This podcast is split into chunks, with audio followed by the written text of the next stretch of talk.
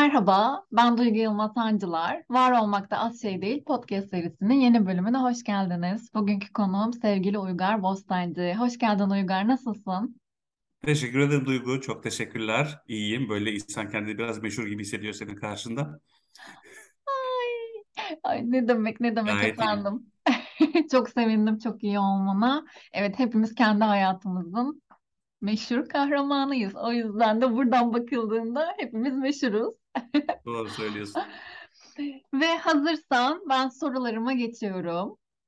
Tamamdır. Hazırım sanırım. Süper. Kendi cümlelerinle seni senden duymak istesek bize neler söylersin? Şöyle, e, kendi cümlelerinden çok aslına bakarsan benim için başkalarının söylediği cümlelerden benim de ikna olduklarım var. Onlardan tarif edebilirim. E, bir defa komik biriyim yani. Uygar nasıl birisi deseler ben de evet doğru söylüyor dersem eğer şeyimdir, neşeliyimdir, komiyimdir. E, espri yeteneğimin iyi olduğunu söylerler ve haklılar bence. E, belirgin özelliklerinden bir tanesi budur. Bir de iyi bir insanım. E, buna ikna oldum. Ben bunu öncelerinde duyduğumda çok bundan rahatsız oluyorum. Ben bir şeyde bir eksiklik mi yapıyorum? Çok mu saf davrandım acaba falan diye. Çok, çünkü çok olur olmaz insanlardan duyuyordum bunu. E, sonraları bununla da barıştım ve e, buna da hak verdim. E, galiba iyi bir insanım. Evet insanların etrafında karşılaştıkları birçok insana göre daha iyi bir insanım herhalde ve bundan mutluyum. E, nasıl birisiyim? Çok yönlü birisiyim. Yani uğraş alanlarım çok fazla. Hiçbirisinde çok profesyonel olmasam da şöyle bir e, anekdot anlatayım sana. Birkaç hafta önce bizim bir koşu grubumuz var adım adım diye.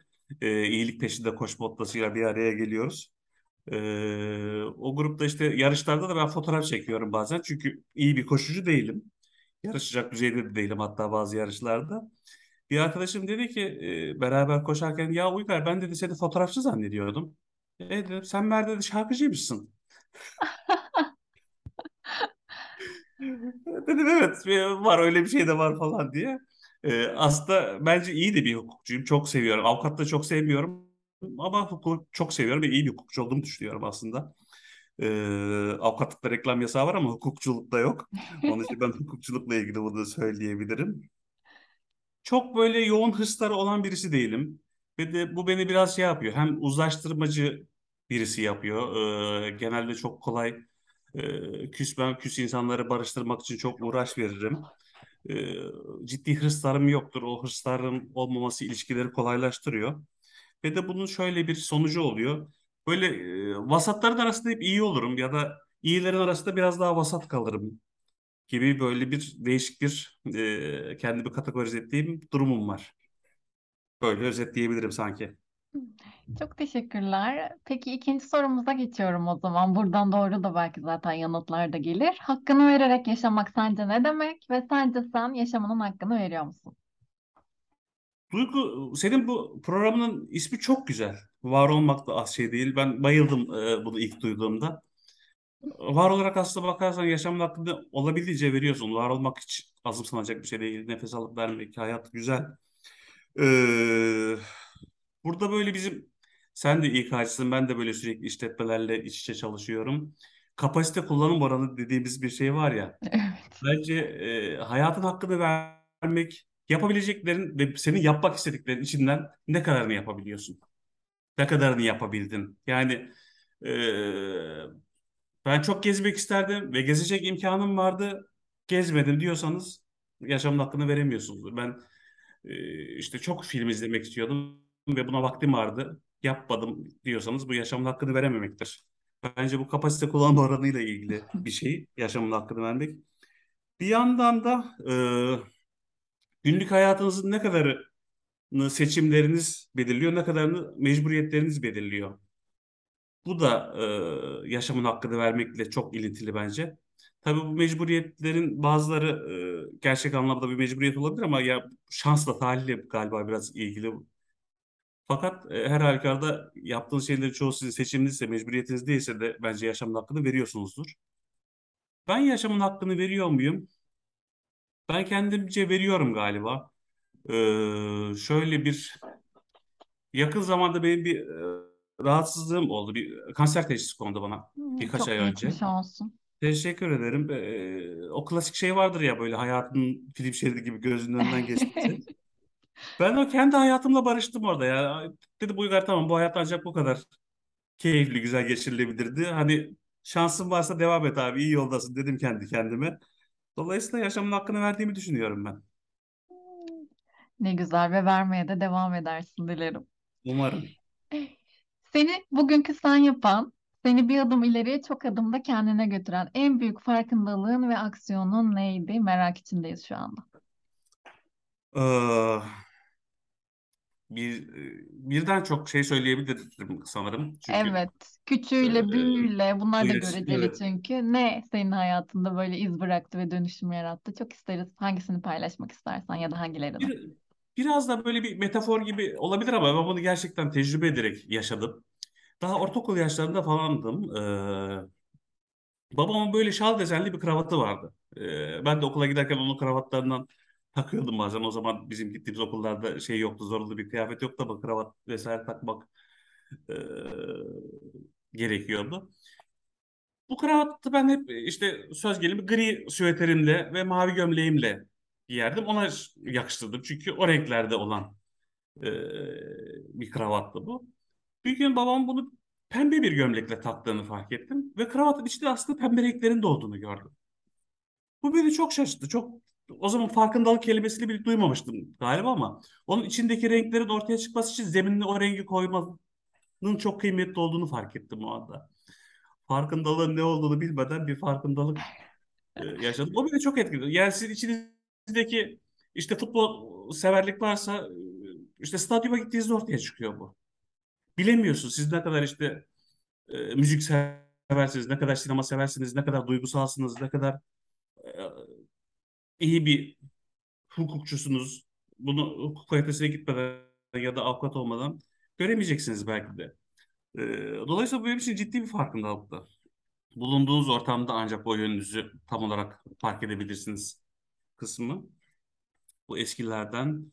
E, yenilerde de işte bu biraz önce bahsettiğim şey e, hani siz kansersiz dediklerinde bir tokat yiyorsunuz yani o ciddi bir farkındalık. Ee, ve de bunların hepsi 1500 defa duyduğunuz, çocukluğunuzdan beri bildiğiniz, bilmeniz gereken hatta çok klişe olduğunu düşündüğünüz e, sosyal medya paylaşımlarında görseniz beğenmeyeceğiniz birçok sözün aa ne kadar doğruymuş diyorsunuz. Ee, o tabii çok ciddi bir farkındalık. Yani şeyi biliyorsun yani öleceğiz, hepimiz öleceğiz ve bunun bir vakti yok. Bunu ikisi de biliyoruz, çok iyi biliyoruz yani. Ee, er, vakti belli değil. Yani bu şu zaman ölen erken öldü de şu zaman ölen geç öldü diye bir şey yok. Bunu çok çok iyi bilmeme rağmen bununla yüzleşmem çok ciddi bir farkındalıktı. Ee, ve sizin nasıl bir hayat geçirdiğinizi, nasıl öldüğünüz belirliyor. Bu çok trajik bir şey. Yani siz şahane bir hayat da geçirseniz onun nasıl son bulduğu sizin ömrünüzü çok o zarfı mühürlenir ya o Hı mühür hı. oluyor. Hani şey anlamda söylemeyeceğim bunu. Hani e, siyaset yapmak, politika yapmak anlamında söylemeyeceğim ama aklıma gelen ilk örnek bu olduğu için söylüyorum. Mesela diyorlar ki işte Saddam gibi ölmek, Kaddafi gibi ölmek. Ya onun yaşadığı hayatı kim yaşadı abi? Değil mi? Yani hı. saraylarda tüm ömrü böyle geçiyor. Paralar, pullar içerisinde her türlü lükste, şatafatla geçen bir ömür. Ömrün öyle de olabilir diyor. Nasıl öldü? İki gün son iki günü nasıl geçtiğiyle onun ömrünü anıyoruz değil mi? Evet, doğru. Ee, bu çok benim için çarpıcı farkındalıklardı. Ee, benim e, sorunun devamı öyleydi değil mi? Evet, bunlardan sonra hani aldığın aksiyon, paylaşmak istediğin e, Ya notlar bunlarla çok varsa belki. bağlantılı değil e, Duygu ama ben hani kendi hayatıma baktığımda e, beni ben yapan e, en önemli aksiyonum e, boşanmak oldu. Ben e, bu ta- benim tamamen kendi öznel hayatımla ilgili yani yalnızlığa, bekarlığa vesaire özgü, e, övgü anlamında söylemiyorum bunu. E, fakat beni daha çok ben yaptı. Ben işte o kravatın içindeki renkleri daha farklı zeminlerde daha farklı bir şekilde gördüm, yaşadım. E, tek başıma var olma iddiası bana çok iyi geldi. Hı hı. İlk başım ilk defa tek başıma sinemaya gittiğimde ilk defa tek başıma bir restoranda yemek yediğimde e, bir tatile gittiğimde çok iyi hissettim kendimi.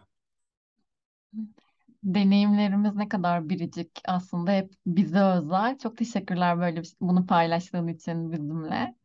Rica ederim ne demek.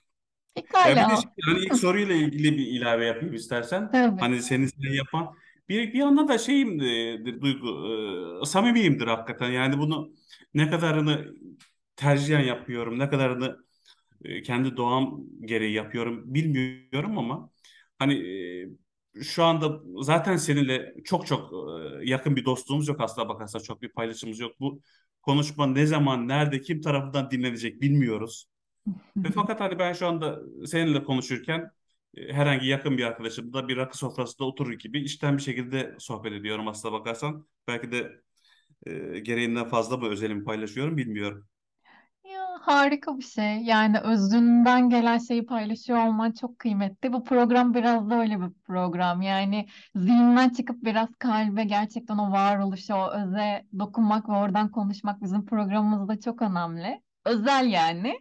Ee, seslerimiz de yan yana kayıt olup ölümsüzleşiyor. O yüzden e, apayrı bir yeri var. Çok teşekkür ederim kalpten paylaşımda bulundun ve bulunmaya devam edeceğin için. Teşekkürler çok sağ olun. Ben teşekkür ediyorum. Bizi dinleyenler için kitap ya da film önerecek olsan bunlar neler olurdu ve neden? Ee, neden ben sevdiğim için nedeni önce onu söyleyeyim.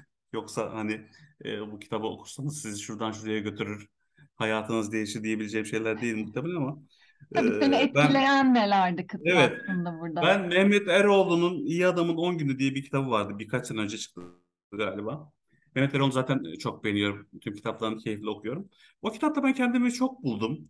Ee, çok keyif alarak okudum. Ee, böyle yalnızlıkla özgürlüğü mukayese ettirdiği bir şey var. İç dünyası vardı orada. Ee, onun cümlelere döküşü çok hoşuma gitti benim. Ee, oradaki ikisinin artısını eksisini ortaya dökmesi. Ee, çok keyifli. Ben çok kendimden şeyler buldum o kitapta. Ee, Mehmet Erol'u okumayanlar varsa en azından bir kitabıyla şans verebilirler diye tahmin ediyorum. İyi gelir, severler e, dinleyicilerimiz diye ümit ediyorum. Ee, filmde de çok e, benim izlemeye doyamadığım hala belki ezbere bildiğim film şeydir. Vizontele'dir. Vizon, ilk Vizontele'yi çok severim ben. Bu sene şeye gittim, e, Van Yavaş'a gittim o filmi çekildiği sokaklarda falan gezdim. E, benim için çok keyifli bir filmdir. E, filmin 10 yerinde e, kahkahayla gülüyorsam en az 20 yerinde gözlerin doluyordur. Benim için çok daha e, dram tarafı daha ağırlıklı bir filmdir. Bu ikisini söyleyebilirim. Pekala. Seninle yaptığımız bu bölümün adı ne olsun? Ne koyalım adını? Bu bölümün adını e, Little Little Into the Middle koyalım. Olur mu? Olur tabii ki. Konuğum ne istiyorsa onu koyuyorum. Evet ya ben e, biraz böyle düşününce hakikaten böyle ben hiçbir şeyde çok iddialı değilim ama hani bakıyorum işte şeyde e, Spotify'da bir single'ım var mesela ama ben bir şarkıcı değilim. Instagram'da fotoğraflarımı paylaştığım bir hesabım var ama bir fotoğrafçı değilim. Ama e, işte e, koşuyorum, kampanyalar açıyorum yardımseverlik koşullarında.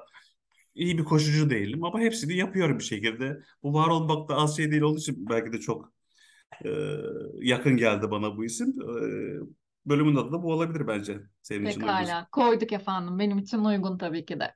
Harika. Bundan sonraki bölümün adı ne olsun isterdin? Seninle aylar sonra, yıllar sonra, bilmiyorum zamanını bir bölüm daha çektik. Onun böyle adı ne olsun? Şimdiden böyle koymak istesem. Onun adı da e, aynısının bir büyüğü olsun. Duygu. Aynısı da bir büyüğü şöyle bir şey. E, hani tam da bu Cem Yılmaz'ın atıf yaptığı bu Little Little Into the Middle'da sofrada en sevdiğiniz şeyden bir porsiyon daha isterseniz hatta bundan daha büyük bir porsiyon getir dersiniz. Ee, ya da mesela bir kıyafet derken kıyafeti beğenirsiniz ama bedeni belki sizin için tam uygun değildir. İstersiniz onun öyle istersiniz. Ben bu aynı hayatın daha büyüğünden isterim. Aynı yayının gene daha uzunundan isterim. Aynısının bir büyüğü diyebiliriz bir sonraki bölüm içinde. Pekala dedik. Ve geldiğin için çok teşekkür ederim Uygar. İyi ki varsın ve hep var ol. Çok teşekkürler. Ben de davetin için çok teşekkür ediyorum. Çok e, farklı bir deneyimdi benim için. Selamlar, çok sevgiler.